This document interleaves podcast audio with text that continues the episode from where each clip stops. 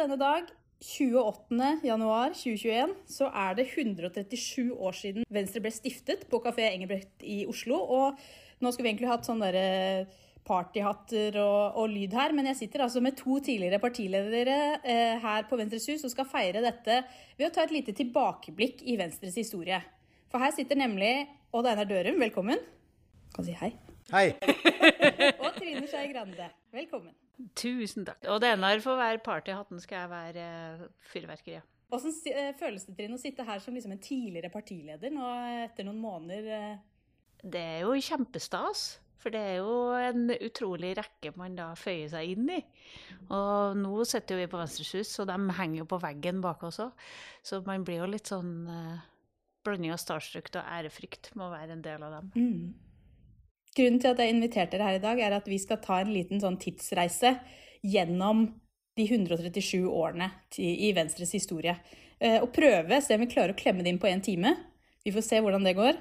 Og Odd Einar, hvis vi tar tidskapselen tilbake til januar 1884, i hvilken kontekst er det Venstre som parti vokser fram og da blir etablert i slutten av januar?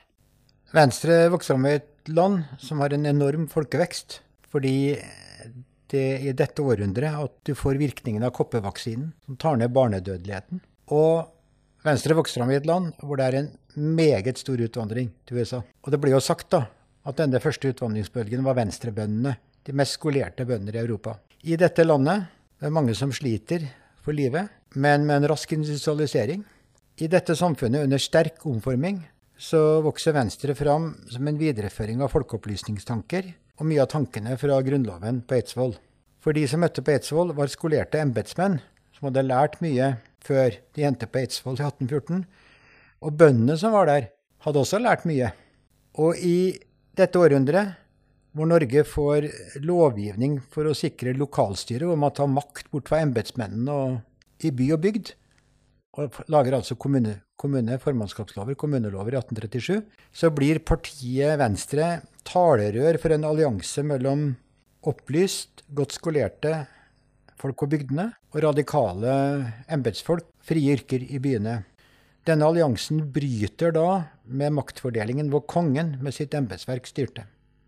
Så det Venstre gjør i 1880-årene, er å starte arbeidet for parlamentarismen, nemlig at det er flertallet i stortingssalen som avgjør regjering.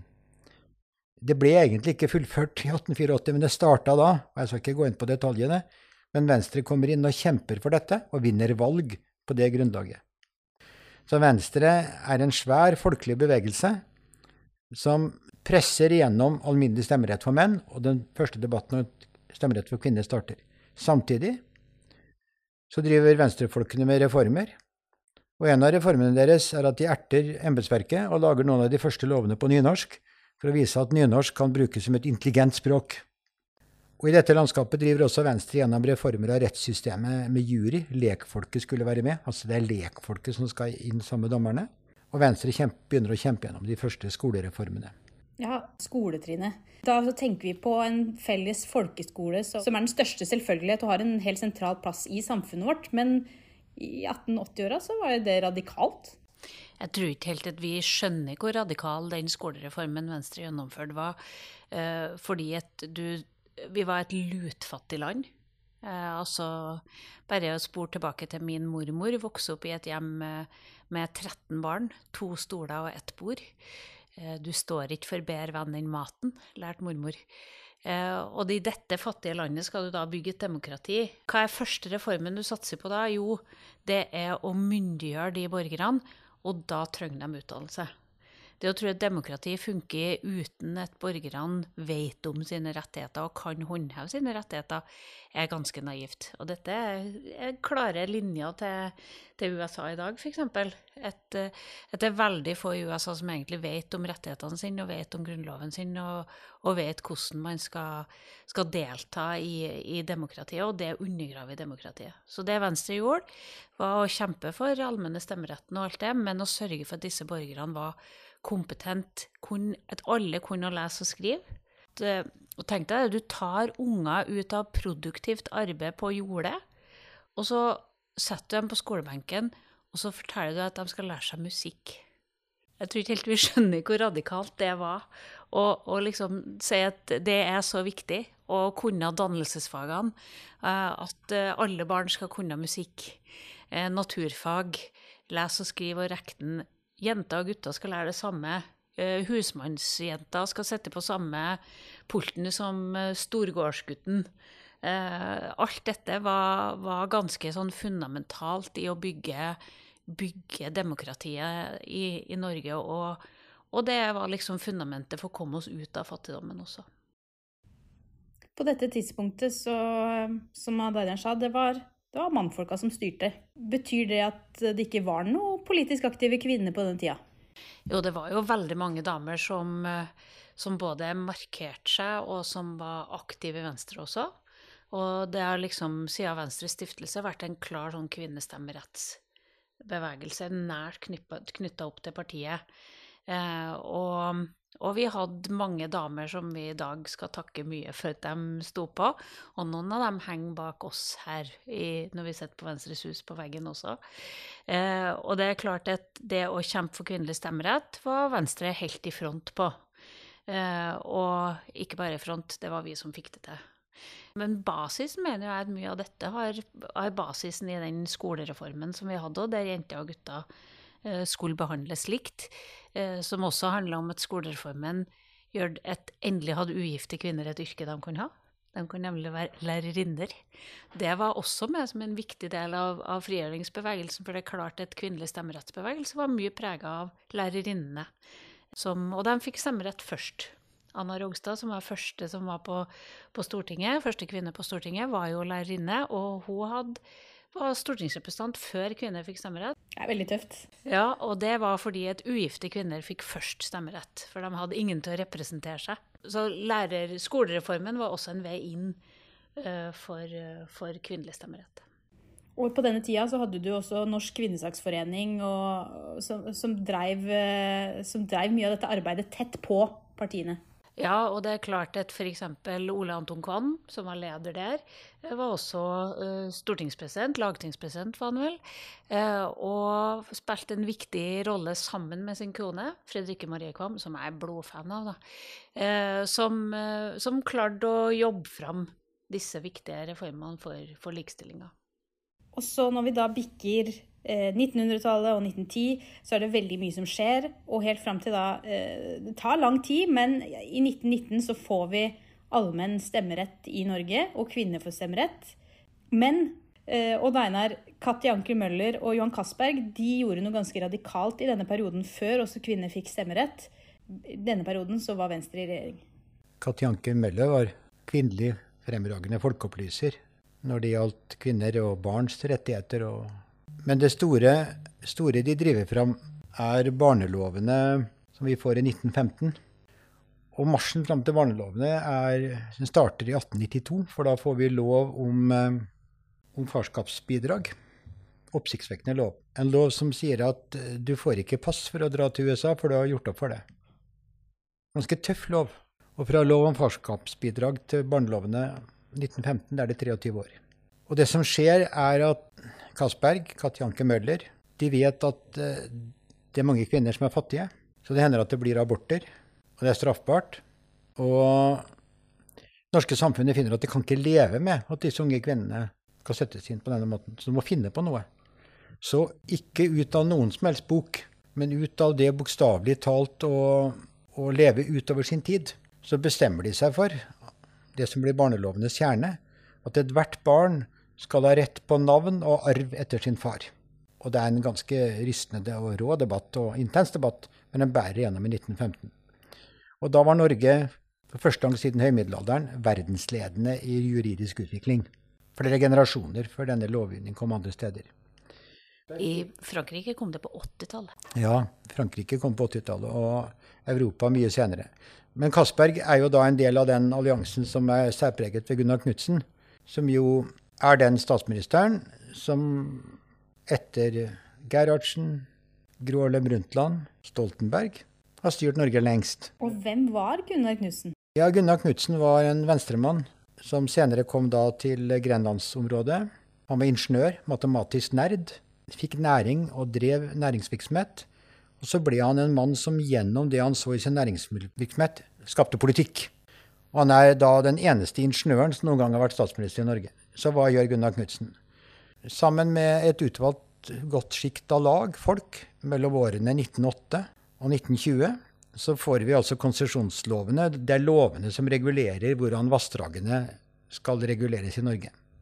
Og det er en lovgivning som tillater utenlandsk kapital til å slippe inn, men på det norske folkets premisser og som innfører hjemfall, at når det har gått en viss tid, så faller naturrettighetene tilbake til folket. Samme periode så får vi altså barnelovene vi har snakket om. Og så får vi, fordi Castberg brenner for en normalarbeidstid Men det gjør selvfølgelig også arbeiderbevegelsen og fagbevegelsen. I 1919 får vi åttetimersdagen. Arbeiderpartiets historie så framstilles det som Gunnar Knutsen ikke spilte noen rolle, men det gjorde han. Men det er ikke noe grunn for oss i Venstre til å si at arbeiderbevegelse og fagbevegelse ikke var opptatt av det, men Knutsen brant for det, og han fikk det til.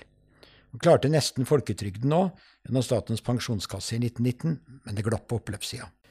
Hva mer klarte han? Jo, han ga av det som nesten ingen i Norge, og også i Venstre, ikke vet.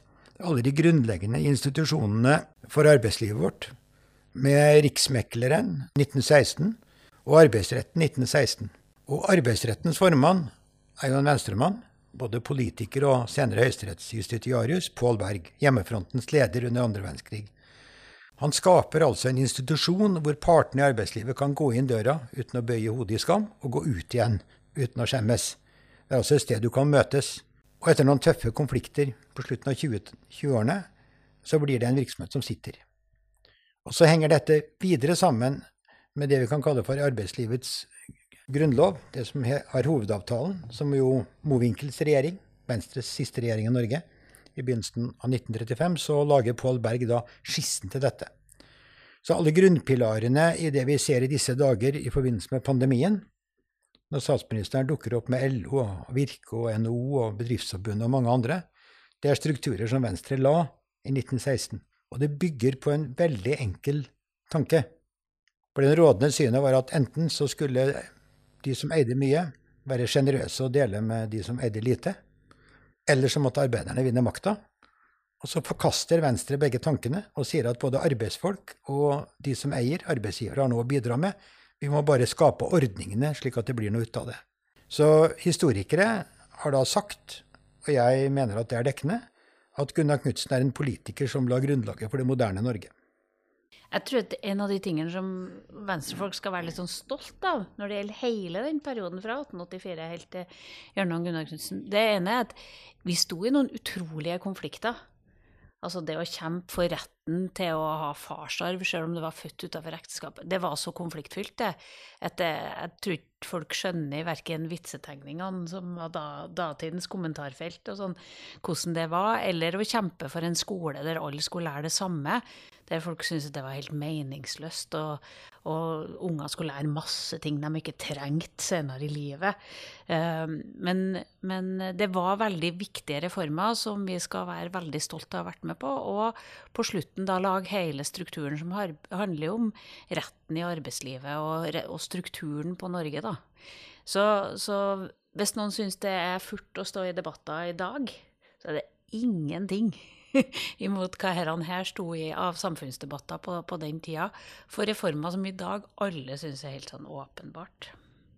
Ja, så kan du tenke deg altså i starten av 1880-årene og altså da frem til man fikk allmenn stemmerett eh, i 1919, så var det jo mange som ikke ble hørt heller. Du ble ikke tatt på alvor. Det, det å kjempe i en sånn motvind hvor, hvor folk mener at en eh, Veldig mange skulle ikke ha en rett til å si hva de mener, for de ble representert av noen andre. Altså retten til å F.eks. det å kunne skrive og rekne, det skulle da alle lære sjøl om de ikke engang skulle holde i et ark i løpet av arbeidsdagen sin. Men det myndiggjorde jo folk til å lese aviser, skrive et leserinnlegg, forhandle leiekontrakt, forhandle arbeidskontrakt. Eh, ikke bli lurt av eh, eiere som, eh, som, kunne skrive ting inn i kontrakter du ikke kunne lese. Dette var sånn grunnleggende myndiggjøring av mennesker. Og og jeg er litt redd for at vi i dag mister litt den der forståelsen av hvor viktig kunnskap er for å myndiggjøre borgere i et samfunn. Og barnelovene, da. Kommer jo i 1915. Ja, så går det jo 60 år, da. Før det er like mange født innafor som utafor ekteskap. Det er, altså, det er altså 1975. På 50-tallet i Norge, 1950-årene, så var f.eks. Mysen i Indre Østfold et sted hvor man reiste for å adoptere bort mødre med enslige forsørgere, adopterte bort barn. Jeg har truffet noen som har vært gjennom den prosessen. Og så kan vi si at barnelovene når kongehuset i 2001, når kronprinsen gifter seg med kronprinsesse Mette-Marit, som jo er en enslig mor. Og jeg må si her at noe av det som virkelig forarger meg, det er ikke når eh, Vedum lar seg inspirere av Castberg. Det har jeg sans for. Men han nærmest gjør Castberg til en slags senterpartimann. Når man vet hvor opprørt Castberg var over storbøndene, Senterpartiets stiftere rundt Mjøsa, som for og besvangra damer og deretter forsvant. Når man vet det, så bør man skjelne mellom det og ikke tulle med historien, men definitivt i ettertid kunne la seg inspirere. Og det er all mulig grunn til å la seg inspirere av de vi snakker om her. Den gleden deler vi gjerne med alle, uansett hva de heter og hvor de bor. Men i historien så er dette et ganske tøft oppgjør i sin tid. Vi har snakket om eh, perioden egentlig fram til 1940. For når krigen bryter ut, så blir partier per definisjon forbudt. Og du og jeg, Trine, vi var jo tidligere i høst i, på besøk hos Arkivverket her i Oslo og lette tilbakeover i Venstres historie. Og da fant vi noen ganske ubehagelige dokumenter eh, fra 40-årene som Venstre har mottatt da fra Nasjonal Samling. Ja, vi, vi sto der med arket der vi ble forbudt som politisk parti. Og, og det ble jo alle politiske partier da. Venstre hadde jo fortsatt sitt hus her, Venstres hus som da ble sprengt. Det er en litt lang og kronglete historie, så jeg kan ikke forklare hele det. Men, men, Venstre var på en måte hadde mange nøkkelpersoner i hele den perioden. Og en av dem vi hadde, var jo Pål Berg, som da var sjef i Høyesterett, og, og, som hadde en, en, viktig rolle i motstandsbevegelsen.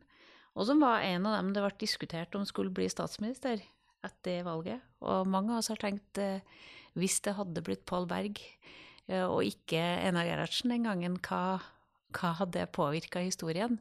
Men Pål Berg var en sliten mann etter krigen og, og ønska ikke å ta på seg den rollen.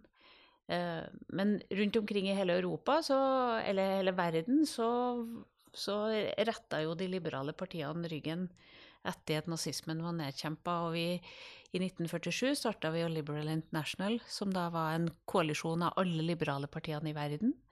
Vi har stort sett søsterparti i de, i de fleste land i verden. Det er ganske interessant å reise rundt omkring og møte eh, folk eh, overalt. Og jeg bruker å si at det er kule med å reise rundt og være venstrerepresentant, er at du møter de rette folkene overalt.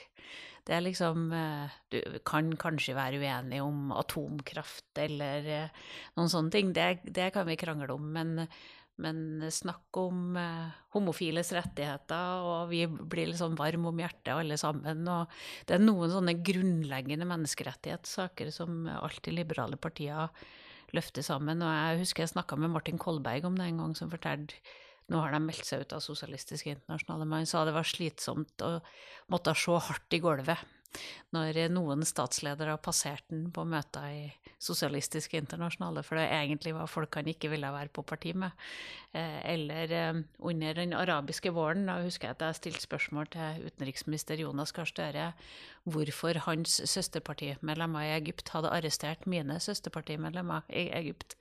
Eh, så det, det, var en dannelse av en veldig kul familie som vi fortsatt er med i og er fortsatt veldig aktive i. Mm. Og dette var jo i tiden etter, eh, etter andre verdenskrig, så skjedde det jo da også en vind av mer internasjonalt samarbeid som skulle være forebyggende arbeid for å ikke havne i en sånn situasjon igjen. Og da fikk det jo veldig mange, altså i hvert fall starten på veldig mange av de institusjonene vi har i dag, som, som sikrer at vi har plattformer til å snakke sammen på. Ja, FN er jo et produkt av andre verdenskrig. Eh, og vi, vi eh, Venstre har jo alltid vært et veldig internasjonalt eh, En del av en bevegelse som er veldig internasjonalt retta. Eh, så, så det, det, var viktig etter krigen, og en viktig del av sjela til Venstre. At vi er en del av det, de strukturene. Og så fikk du jo EU, som da begynte som en kull- og stålunion. Samme hva du mener om EU, det at Tyskland, Frankrike og England fram til nå da har måttet holdt sammen, det har alltid vært bra for freden i Europa. Odd Einar, vi har kommet eh, godt ut i etterkrigstiden. Og du nevnte at eh, Gunnar Knutsen allerede på rundt 1920-tallet jobbet for å få på plass en folketrygd. Det skulle ta noen tiår til før det kom på plass. Likevel så ble ikke folketrygden helt sånn som Arbeiderpartiet hadde planlagt og sett for seg at den skulle bli. Det er det store etterkrigsvalget hvor eh, vi får en samarbeidsregjering som ingen hadde trodd skulle være mulig mellom Høyre, Venstre, Senterpartiet og KrF. Og En del av kampen er hvem som skal bli statsminister. Skulle det være Per Borten fra Senterpartiet eller Bent Røiseland fra Venstre? Og det er Høyre som da velger Senterpartiet foran Venstre. Men i den regjeringen, etter en valgkamp hvor folketrygden hadde vært debattema, og da var det historisk ulike linjer. Det var en linje om å sikre folk eh, skal vi si, trygderettigheter for alder og på andre måter. Skulle det skje mellom partene i arbeidslivet? På mange måter en Arbeiderpartilinje. Eller skulle det skje ved at individer forsikret seg, en høyrelinje? Mens den historiske venstrelinja, som hadde mange tiår bak dette, var den som til slutt samlet bredt og ble akseptert av alle. Det var altså en ordning som samfunnet i fellesskap skulle stå for, som skulle være skattefinansiert. Og det fikk vi med Venstres Alfan Hegtun som saksordfører. Så av og til tar mange reformer veldig lang tid. Og folketrygden var, hadde da vært under vandring siden før 1900-tallet. Eh, og Gunnar Knutsen, som jeg sier, prøvde i 1919, og så går det 50 år til. Og så har vi da folketrygden, som jo er blitt et grunnelement i det norske samfunnet. Og så er det grunn til å huske på at omtrent på denne tida da man begynner å finne olje i Norge, så har vi konsesjonslovene som lager spillereglene om hvem som eier disse naturrikdommene og avkastningen av det. Det var da grunnlagt tidligere. Og så er det flinke folk som må oversette det til datidens språk for ca. 50 år siden. Folketrygden kommer i, i 68, og når vi da bikker eh, inn eh, mot 1970, så er det jo en sak som kommer virkelig høyt på agendaen.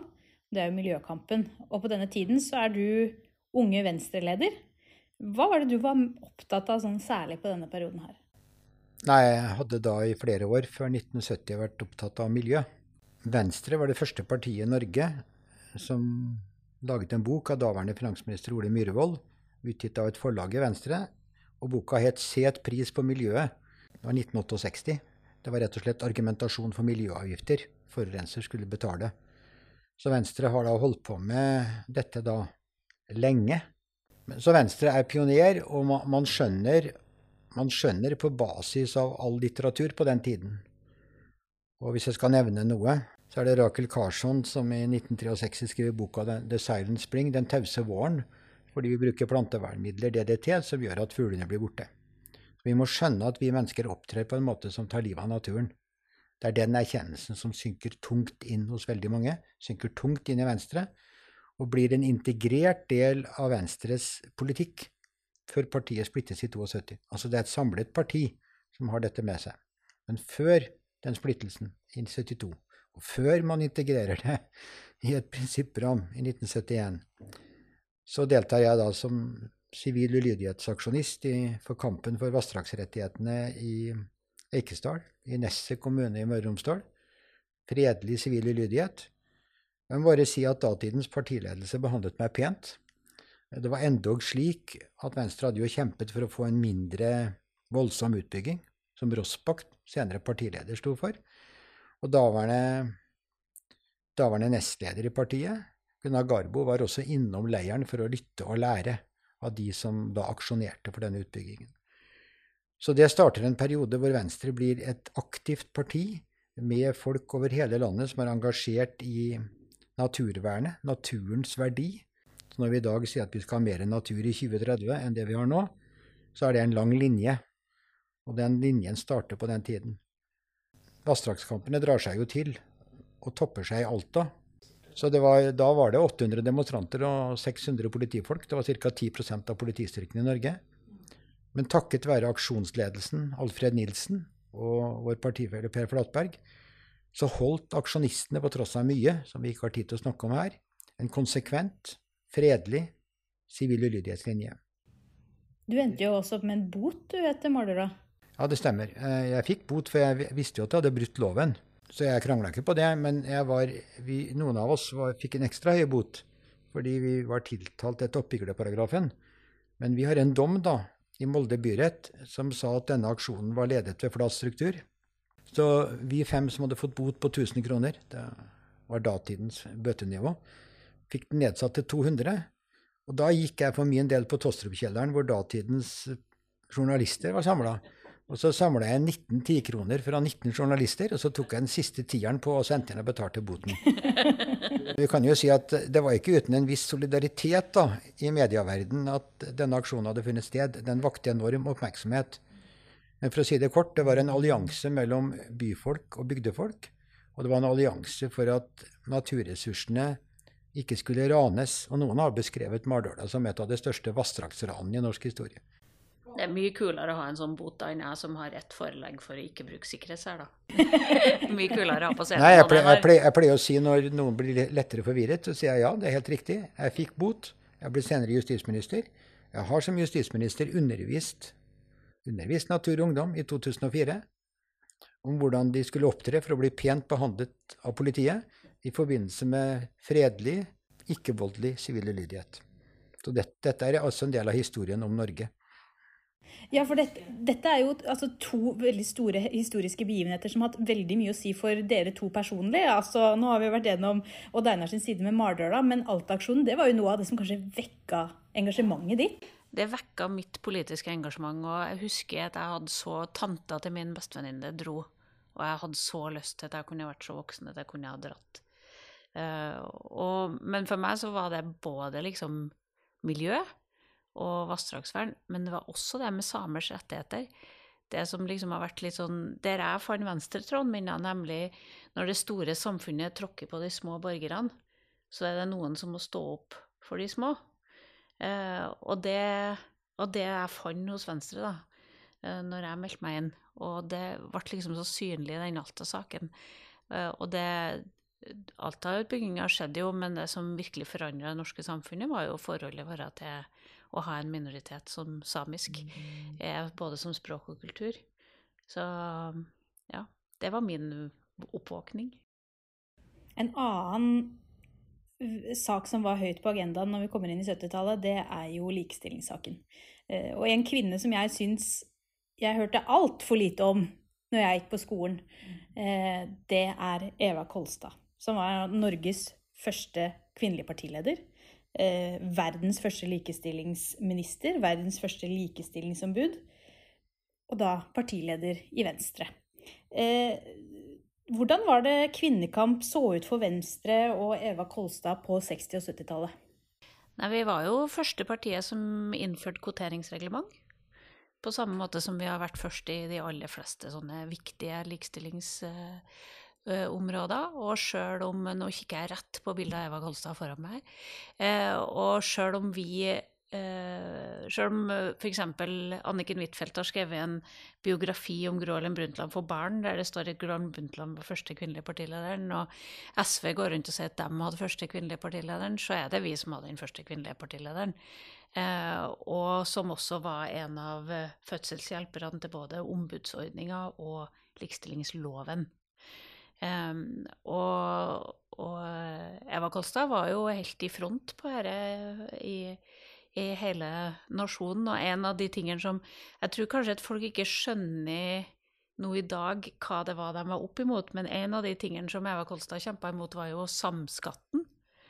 Um, som da uh, Arbeiderpartiet og andre partier syntes at det var viktig at uh, at det bare var én som jobba i hver familie, og derfor så måtte man lage et skattereglement som gjorde at kvinner betalte dobbelt så mye skatt hvis de var gift, enn hvis de ikke var gift, for å sørge for å få dem ut av arbeidsmarkedet. Eh, som eh, jo var grunnleggende feil, og som i dag virker sånn helt utrolig at vi har hatt så lenge eh, i Norge, men som hun var en av de fremste forkjemperne for å få. Hun var jo også en av de første kvinnelige statsautoriserte revisorene, om hun ikke var den første kvinnelige statsautoriserte revisor.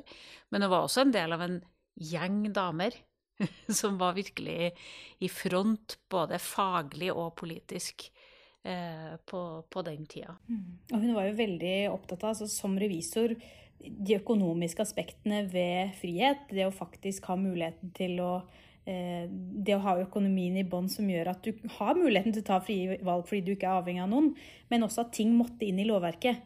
Som du var inne på, Hun fikk jo fram likestillingsloven, for hun mente jo at du, det å jobbe med sånne kulturendringer, det gikk ikke raskt nok. Nei, og du hører liksom ekko av, av, Eva Kolstad når du hører om det norske selskap som ikke vil slippe inn damer. Så er sånn, Det gjorde de ikke når hun vedtok likestillingsloven heller, men, men, da sa Eva Kolstad at likestillingsloven sier at alle steder som innehar makt, skal være åpne for begge kjønn. Og da betyr det at disse klubbene sier at de ikke har makt. Så da blir det verst for dem. så, så hun, hun, hadde en sånn eh, snert på det. Men så tror jeg jo at, at vi egentlig hadde trengt å ha den der ånden fra Eva Kolstad inn likestillingskampen i dag òg. Eh, og du ser jo, i dag er det DNB som driver med meste kampanjen når det gjelder økonomisk likestilling. For vi ser jo i dag at uh, fortsatt er det sånn at vi, vi investerer ikke, vi, vi jenter. Vi kjøper ikke aksjer. Vi, vi, bruker pengene på helt andre måter enn menn, noe som gjør at de økonomiske forskjellene mellom oss øker og øker og øker. Eh, og det må vi slutte med. Vi må slutte å sette ting på barnas eh, boligsparingskonto og begynne å kjøpe aksjer, vi damer også. Og det har kanskje ja, Vi burde hatt litt den der ånden til Eva Kolstad inn tilbake igjen i likestillingskampen. Hun var jo en av de første nasjonale politikerne som også tok til orde for eh, skeives rettigheter. I en opphetet eh, debatt i avisene så tok de orde for at eh, ikke bare psykiatere og psykologer skulle lytte til de homofile, men at vi som befolkning hadde godt av å lære mer om deres situasjon for å forstå hverandre. Det, hele denne åpenhetstankegangen om å forstå mennesker som sto i andre ting enn oss sjøl. Ja, og husk på, her har Venstre en veldig stolt tradisjon. Vi var det første partiet som programfesta at vi skulle endre straffeloven der det sto at eh, homofile eh, skulle dømmes ifølge straffeloven. Eh, og det som er morsomt når jeg snakker med Kim Friele og disse guruene når det gjelder å kjempe for skeives rettigheter, og hun begynner å snakke sjøl om, om Røiseland, som kommer fra Indremisjon på, på Sørlandet, så triller tårene når hun ser liksom hvor utrolig viktig også de venstrefolkene var da, for å få endra lovverket. Eh, et, et, en mann som var vokst opp i Indremisjon, representerte Sørlandet, torde på 60- og 70-tallet stå i front for homofiles rettigheter, er jo helt utrolig.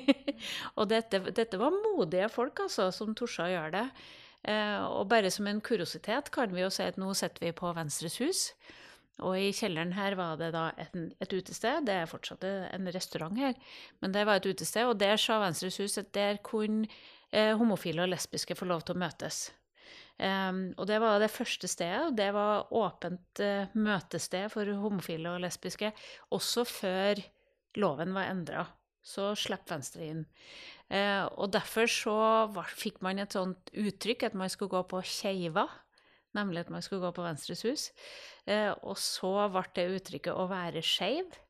Så begrepet å være skeiv, det er helt nært knytta til Venstre sin historie, nemlig at det var på Venstres hus man møttes. Så skeiv, skeiva og Venstre. Og Deinar, vi har kommet fram til 80-tallet, eh, og i de årene der så, så, går det ikke så bra med Venstre. Men det er stort engasjement som eh, holder liv i partiet over hele landet likevel?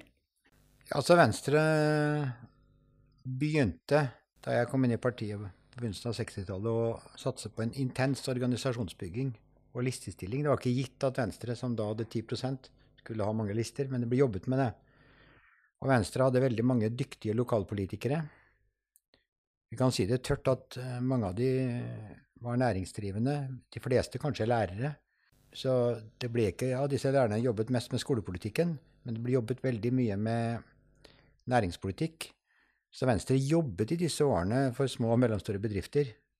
Vi har holdt på med det ganske lenge. Eh, jobbet veldig mye med miljøpolitikkens alle ulike sider. Vi gikk for alvor inn i kampen mot hva atomkraftforurensning kunne føre til. Og i 1985, 86, 87, da er det Arne Fjørtoft som tar over etter meg som partileder, så leder Jan Kløvstad det som er norgeshistoriens største parlamentariske grasrotaksjon som jobber over landegrensene, nemlig aksjonen mot atomkraftverket Dunray, som er planlagt til Pentlandfjorden i Skottland, hvor de var livredd, med god grunn, for at det skulle komme radioaktivt avfall som skulle følge Golfstrømmen. Så i løpet av et par år, uten å være på Stortinget, samler denne lokalbevisstheten i Venstre, dyktige folk, inn 280 000 underskrifter. Får vedtak i 280 kommunestyrer, får vedtak i samtlige 19 fylkesting, får vedtak i Nordisk råd, samarbeider med de britiske liberale og leverer alt dette til britiske myndigheter i samarbeid med vårt søsterparti, som da har et parlamentsmedlem på Orknøyene og Shetland. Dette er altså den mest omfattende eh, parlamentariske aksjon, hvis man ser på antall underskrifter som blir innsamlet. Og det ble samlet inn av et Venstre som visste hvilke verdier de ville slåss for, og som var villige til å slåss for det og som på dette grunnlaget da senere skulle kjempe seg bak til Stortinget, for vi falt jo ut av Stortinget i 1985, og det er min skyld, i den forstand at eh, jeg hadde ansvaret for å lede et parti som ville prøve å samarbeide med Arbeiderpartiet. Om det skal jeg ikke si noe annet enn at eh, det angrer jeg ikke på. Og jeg skal heller ikke si noe mer, at det er ikke så lett å samarbeide med noen som egentlig ikke, i hvert fall da, hadde evnen til å snakke med noen andre enn seg sjøl. Men jeg har tenkt som så at man kommer aldri langt ved å skylde på andre enn seg sjøl, så jeg tok ansvaret og måtte gå av som partileder. Jeg hadde tatt Venstre i en samarbeidskurs som partiet hadde vedtatt gjennom fire års behandling. Det var ikke noe, noen få uker eller måneder som KrF her gjorde for noen år siden. Det var fire år. Og en ganske grundig saksbehandling og landsmøter og det hele. Dramatisk, men Venstre hadde gode lokalpolitikere, og jeg må tilføye en ting. Venstre har mange gode kvinnelige lokalpolitikere. Fordi kvoteringsbestemmelsen som Venstre gjennomfører i 1973, den første i noe parti De kvinnene, da, de stiller jo opp. Og hvis du skal si det litt firkanta, litt kort Vi mannfolk har ofte ikke skamvett nok til å si nei når vi skulle si nei. Mens kvinner har ofte for store hemninger til å si ja når de med stor styrke kunne sagt ja. Men selve denne bestemmelsen ble oppfattet som, en, som et ansvar, som en forpliktelse som man, man, skulle ta del i. Så den kvoteringsbestemmelsen var med på å berge Venstre gjennom disse årene. Så kom vi inn i 90-tallet. Eh, Venstre vokser. Lars Bonheim blir leder. Og når vi kommer fram til 1997, så går Venstre i regjering igjen. Og du blir samferdselsminister. Ja da. Ja, kortutgående blir det. Men jeg husker du ikke hadde så mye penger, og da reiste rundt i Norge og sa 'jeg har ingen penger, har du spade'? Ja, vel, jeg startet med resonnementet som samferdselsminister før jeg kom i en regjering med Senterpartiet ville ha meg som samferdselsminister, men det hjalp meg aldri med penger. Så jeg hadde bare et virkemiddel. Det heter fantasi og kreativitet. Så jeg reiste rundt og sa at jeg har ingen penger, hva sier du? Og på Vestlandet så skjønte folk at da skulle de jobbe for bompenger. Så jeg er ansvarlig for veldig mange bompenger i Norge. Så egentlig skulle Frp-erne virkelig hate meg. Jeg var jo råblakk. Og så visste jeg jo at det var ved spleiselag at man hadde bygd ut ting i Norge. Det er en gammel norsk tradisjon. Men det viktigste jeg måtte gjøre som samferdselsminister, var å ta de første grepene for å få til kollektivsatsing. Og så ble jeg jo da senere justisminister i den første Bondevik-regjeringen og i den andre. Ta grep om kampen mot organisert kriminalitet. Grep som er der til denne dag. Samtidig ta grep om å berge ungdom fra å komme ut i en kriminell situasjon og skjønne at ungdom kan være sårbar, og at det er helt andre virkemidler. Samtidig ta de første grepene for å bekjempe vold i nære relasjoner, kvinnevold, trafficking, altså den moderne slavehandelen, og begynne med den rusreformen som gjør at politiet ikke skal jage slitne narkomane, men at man skal sørge for at folk får hjelp. Altså en, en, en justispolitikk som på en måte er tøff mot de tøffe, de sleper gutta bak organisert kriminalitet. Og på en annen måte skal være myk mot de myke. La ungdom få en sjanse. Og la de som liten eller ingen stemme har en sjanse til å komme videre. Være veldig opptatt av beredskap, for jeg tenkte at det er de spørsmålene som ingen spør om før noen skal granske deg for et eller annet. Jeg skal ikke gå inn på det, bortsett fra å si at det er et utrolig viktig tema, som i disse dager, når vi sitter her og snakker sammen, er blitt illustrert med dramatiske hendelser, f.eks. i Gjerdrum. Og det flotte ved Gjerdrum er jo hvordan eh, ulike deler av samfunnets apparat og frivillige og kommunene og andre stiller opp og eh, hjelper hverandre. Det er en norsk modell som vi må ta vare på. Så en rik tid. Lars Bonheim han var en uh, dyktig leder i å ta vare på politikk. Var dyktig, til å forhandle på vegne av Venstre. Og dessuten så skal han ha det skussmålet at han klarte å bli valgt i 1993. Jeg var partileder, men han ble valgt etter at vi var to perioder ute av Stortinget. Så Venstre kjempet seg tilbake igjen etter to perioder ute av Stortinget i 1993. Altså, Bondevik-regjeringen gikk jo også av på en miljøsak, og ja. det var jo også noe som du var med på, men ikke minst Lars. Den første Bondevik-regjeringen gikk av på en miljøsak. Da var vår avdøde partifelle Guro Fjellvanger, som dessverre gikk bort i 2019, miljøvernminister. Vi gikk jo av fordi eh, Arbeiderpartiet og Høyre ville felle oss pga. forurensende gasskraftverk. Og det er også viktig å si at den viktigste satsingsområdet Venstre hadde i den andre Bondevik-regjeringen, det var å styrke all satsing på kollektivtransport. Så vi fikk de første grepene som har ført til den enorme kollektivtransportutviklingen, spesielt i de største byene. Og etter denne perioden så får vi da en Stoltenberg-regjering. Så kom vi fram til 2009, Trine, og det, det, er jo starten på din periode som leder. Hva er det du husker best fra, fra valgnatta i 2009? Nei, det tror jeg ikke passer å si som folk at jeg har hatt veldig lite lyst til å bli leder den natta, husker jeg. Men, eh, men, eh, men, eh, vi skjønte jo hva det var for noe jobb som måtte gjøres, og det var vi jo en stor gjeng som var i, i gang med med en gang. Eh, og så var det å bygge partiet nedenfra. Vi hadde jo en enorm medlemsøkning. Eh, det vi kaller fortsatt den store plingfesten eh, etter den, eh, den valgnatta. Og, og, så um, brukte vi masse tid på å stille lister, skolere kandidater og bygge partiet nedafra. nedenfra. Og gjorde noen skikkelig gode valg, eh, spesielt lokalvalget eh, da. Og vi gjorde det gjennom å bygge på de tradisjonelle sakene som Venstre ville gjøre noe med. Klima og miljø. Uh, sørge for at vi får en skole som gir unger den beste ballasten. Uh, og sørge for at vi, vi, gjør det lett å være gründer. Uh, og starte bedrifter og skape arbeidsplasser.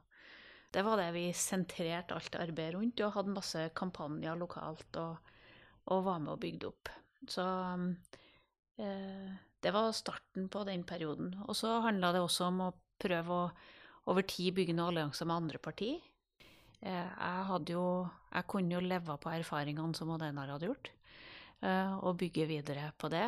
Og eh, se på hvordan vi samarbeider i noen av byene, og prøve å dra det inn på nasjonalt plan. Og bygge relasjoner med, med Høyre og KrF, fortrinnsvis. Og prøve å skjønne hvordan vi skal forholde oss til dette Frp, som jo har vært den største utfordringa på borgerlig side, så klart. Så det var, det var, de strategiske jobbene vi gjorde. Bygge nedenfra partiet og sørge for at vi skulle være robust nok til å klare å stå i valgkamper. Når du kommer til 2013, så gjør Venstre et godt valg og ender opp i forhandlinger med, med da Høyre, KrF og Frp. Mm. Men det ender med at vi får en, en blå regjering med Frp og Høyre, mens vi er i en vippeposisjon i Stortinget. Eh, også siden i, i, i, 2018 så går Venstre inn i regjering, og, og siden KrF. Altså Under Solberg-regjeringene, hva altså, hva er det Venstre virkelig har satt sitt stempel på, som du som sitter igjen med, det er du virkelig stolt over? Nei, det, Jeg har skrevet en hel bok om det så, det, så akkurat nå er det vanskelig å være kort. Men, men, og det er klart at eh, vi har vært i sånn kommunikasjonsmessig vanskelige situasjoner. Men vi har hatt enormt mye politisk gjennomslag til å være det partiet vi har eh, vært av, størrelse. Så vi har liksom veldig mange store reformer, og, eh, og reformer som kommer til å stå seg over tid òg, tror jeg. Og så eh, er jo Lofoten er jo mitt Alta, da, og det har. så, så det er liksom en av de tingene som jeg føler ligger, ligger hjertet mitt nærmest. Eh, men også det at vi har stått for noen viktige sosiale reformer. Eh, som f.eks. det vi har gjort med å gi gratis barnehage til alle unger som vokser opp i familier med dårlig råd.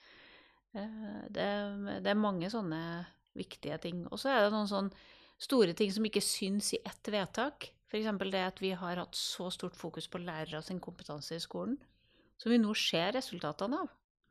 Altså, det er liksom dag for dag. Eh, det å løfte yrkesfagene og si at de er like bra som allmennfagene, så vi nå i fjor var første gangen et, siden Arbeiderpartiet alle videregående skole med Reform 94, at vi hadde flere som søkte yrkesfag enn allmennfag. Og alle dette er langsomme reformer. men som vi har vært helt avgjørende for å få til. Hvis vi skal runde av denne lille bursdagsreisen bakover i tid, eh, hvis dere skal tenke dere ut nå ti ting sammen som, eh, som er de kanskje viktigste bidragene Venstre gjennom sin historie har hatt til samfunnet, hva skulle det vært? Jeg skal begynne med en av dere, så kan dere få ta én og én hver. Trine er yngst, og hun kan starte. Jeg, kan, jeg mener jo at Venstre ga oss sjølve demokratiet, altså folkestyret, i all sin bredde. Både det at uh, kvinner og menn har lik stemmerett, og du har lik stemmerett uansett uh, hva du eier. Og vi har alltid i historien vært på riktig side i utvidelse av stemmeretten, på samme måte som vi i dag kjemper for å senke stemmerettsalderen til 16 år. Helt grunnleggende sosiale reformer som gir folk del i fellesskapet. Skolereformer fra 1890-årene av til denne dag også alle de reformene som har sett de som liten eller ingen stemme har. Sørge for at minoriteter, homofile, blir en del av samfunnet og ikke satt utafor samfunnet. Og urfolks rettigheter, Finnmarkseiendommen, Sametinget, alt som kommer etter Alta. Jurysaken, det at vi innførte juryordninga. Og for meg er det to prinsipper som er viktige. Det ene er at intet fag skal ha monopol på rett eller galt, og alle fag må klare å formidle fagkunnskapen sin sånn at vanlige folk forstår det. Men det andre som var viktig, det er jo kampen mot korrupsjon. Og fordi at hvis du ser rundt omkring i verden med land som sliter med korrupsjon, så er det oftest domstoler som har bare dommere som bestemmer. Og en dommer, hvis dere spoler 100 år tilbake, en dommer kan betales. Men en hel jury kan ikke betales. Så, så, det la grunnlaget Det la grunnlaget også for en antikorrupt stat, eh, som jeg mener at vi kan ta stor del av æren for. Og så er det den store kampen for det som både er fellesskap og frihet samtidig.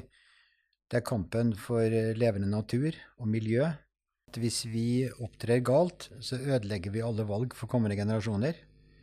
Men så er det forpliktende fellesskap med all den kunnskapen vi har om eh, det naturen kan tåle det kloden kan tåle. Og det er, det er, ingen som da eier de frie allmenninger, enten det er ren luft, rent vann eller ren jord. Det må noen ta ansvaret for. Da uh, har jeg lyst til å ha desentralisering av makt. Eh, som Odena sa, vi var liksom et produkt av formannskapslovene Venstre, men det å hei, alltid ønske å flytte makt nærmere folk, avgjørelser nærmere folk, eh, helt ned til at hvert enkelt individ må få lov til å bestemme over livet sitt.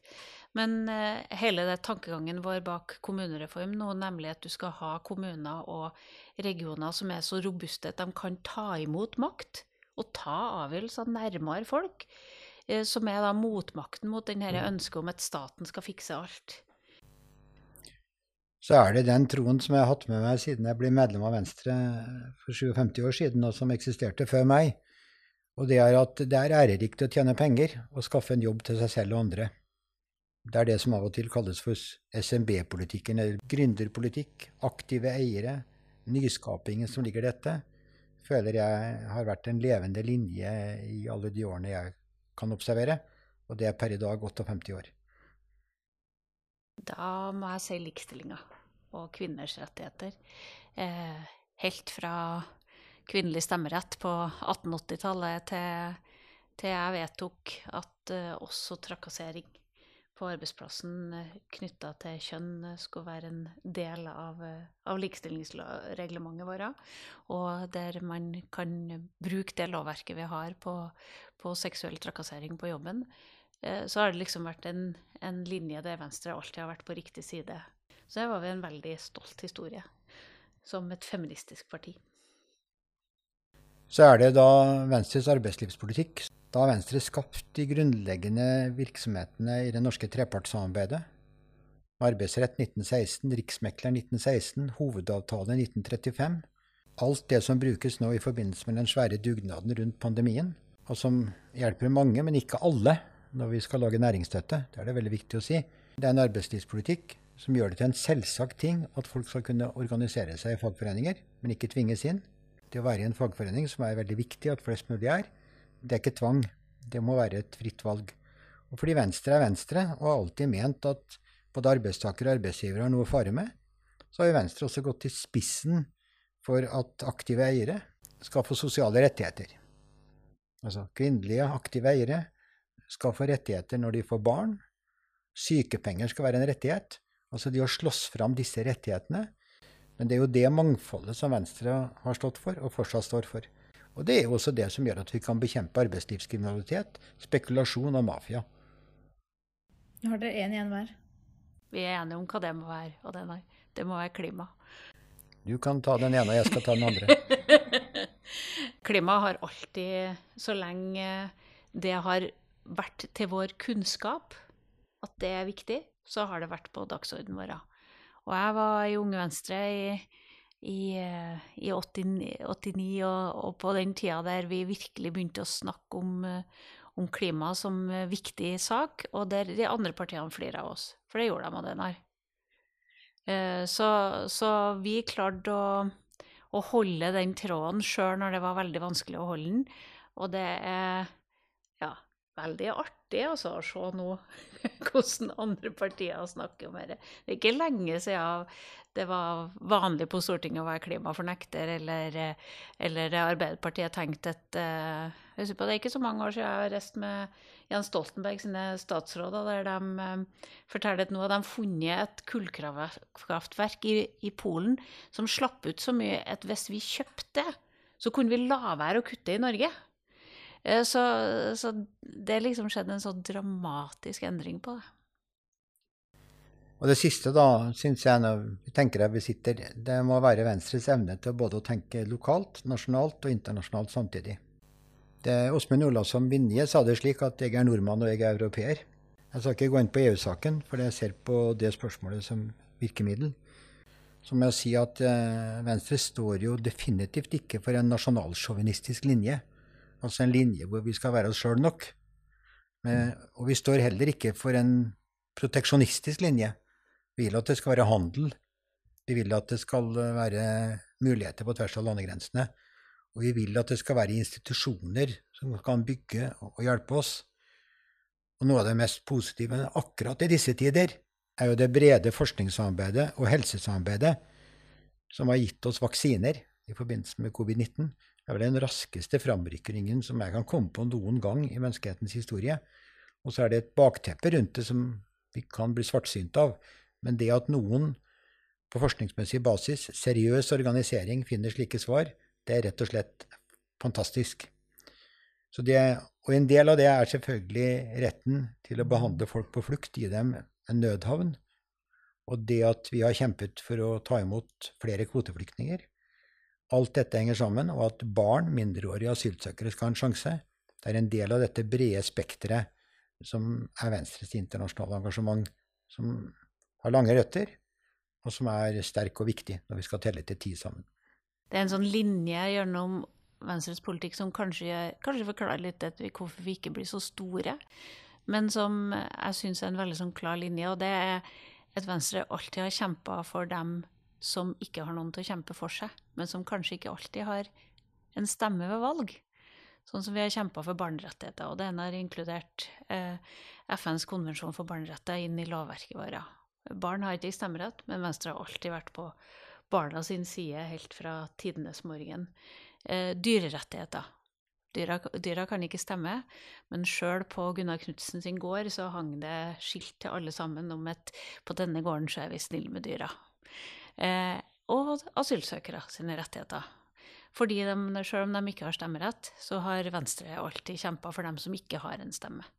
Og det er en sånn tråd som du også finner hos oss. Så det er ikke sånn uh, harde kalkyler hvem kommer til å stemme på oss nå, men det er faktisk hvem som trenger et politisk parti til å stå opp for dem så var det veldig typisk Venstre nå at vi, vi sa ti, og så endte vi på elleve. For det er alltid en hjertesak ja, ja, ja. Tusen takk for at dere tok dere tid til å opplyse oss litt uh, på denne dagen. Vi skravla bare ti minutter mer enn vi har planlagt. Ja, ja, det var bra, det her. vi tok ikke med kultur, men vi tok med veldig mye. Ja. Vi tar en egen en på kultur, vi, Mona. Ja, vi gjør det. Men da avslutter jeg med å si bare gratulerer med dagen, jeg. Gratulerer, gratulerer med dagen. dagen.